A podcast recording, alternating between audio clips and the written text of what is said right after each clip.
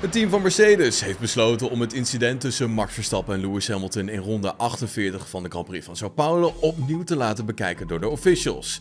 Ja, dit is allemaal op basis van nieuw gevonden bewijs. Zo maakte de renstal namelijk dinsdagmiddag bekend via social media. Daar waar het incident tussen beide titelconcurrenten inmiddels een gesloten boek leek, heeft Mercedes nog maar eens besloten om opnieuw olie op het vuur te gooien.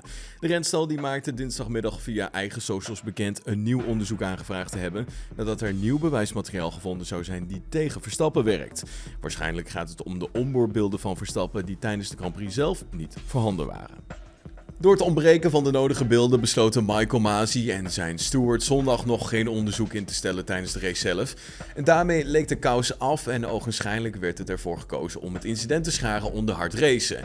Ja, het team van Mercedes liet eigenlijk al direct weten niets te begrijpen van de actie van de FIA. En het aangetekende protest van gisteren komt dan ook zeker niet uit de lucht vallen.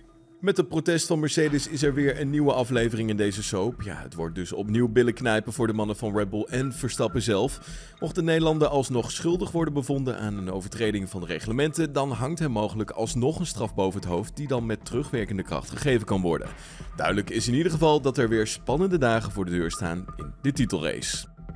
Het team van Alfa Romeo heeft gisteren aangekondigd dat Guan Yu Zhou volgend jaar de nieuwe teamgenoot van Valtteri Bottas wordt. Zhou wordt hiermee de allereerste Chinese Formule 1-coureur uit de geschiedenis van de sport.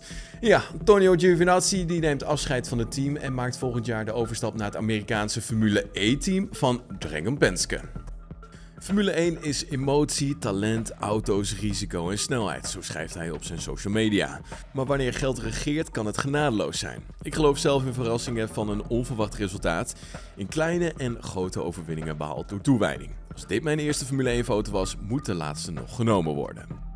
Ja, er waren nog meer aankondigingen deze week, want Oscar Piastri, die momenteel aan kop gaat in het Formule 2 kampioenschap, die maakt volgend jaar ook de overstap naar de Formule 1.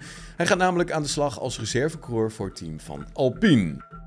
Goed, toch nog even terug naar de Grand Prix van afgelopen weekend. Want Lewis Hamilton ging namelijk als een raket over het circuit. Ja, wist uiteindelijk de Grand Prix vanaf de tiende startpositie Max Verstappen in te halen en de race uiteindelijk te winnen. Ja, Red Bull teambaas Christian Horner die vraagt zich af hoe dit kan en wil een onderzoek naar de Mercedes motor. Dat er iets veranderd is bij Mercedes, ja, dat lijkt wel duidelijk, maar wat precies, dat is nog een beetje een raadsel. Red Bull Racing wil dan ook niet naar de VIA stappen voordat men meer duidelijkheid heeft over de situatie. Dat Mercedes plots veel sneller is dan Red Bull, dat zorgt wel voor vraagtekens bij Horner. We gaan nu niet in protest omdat het belangrijk is om eerst te weten waar deze snelheid vandaan komt. Zo wordt hij geciteerd door het Italiaanse Formule 1.1. Ze hebben een nieuwe power unit met de downforce niveaus van Monaco. Kijk, toen hij Max inhaalde, was hij, Hamilton, 30 km per uur sneller. En dat is iets waar we naar moeten kijken. Al dus Christian Horner. En Amber Brandsen die zal vanaf 2022 de presentatie van de Formule 1 gaan verzorgen op Viaplay.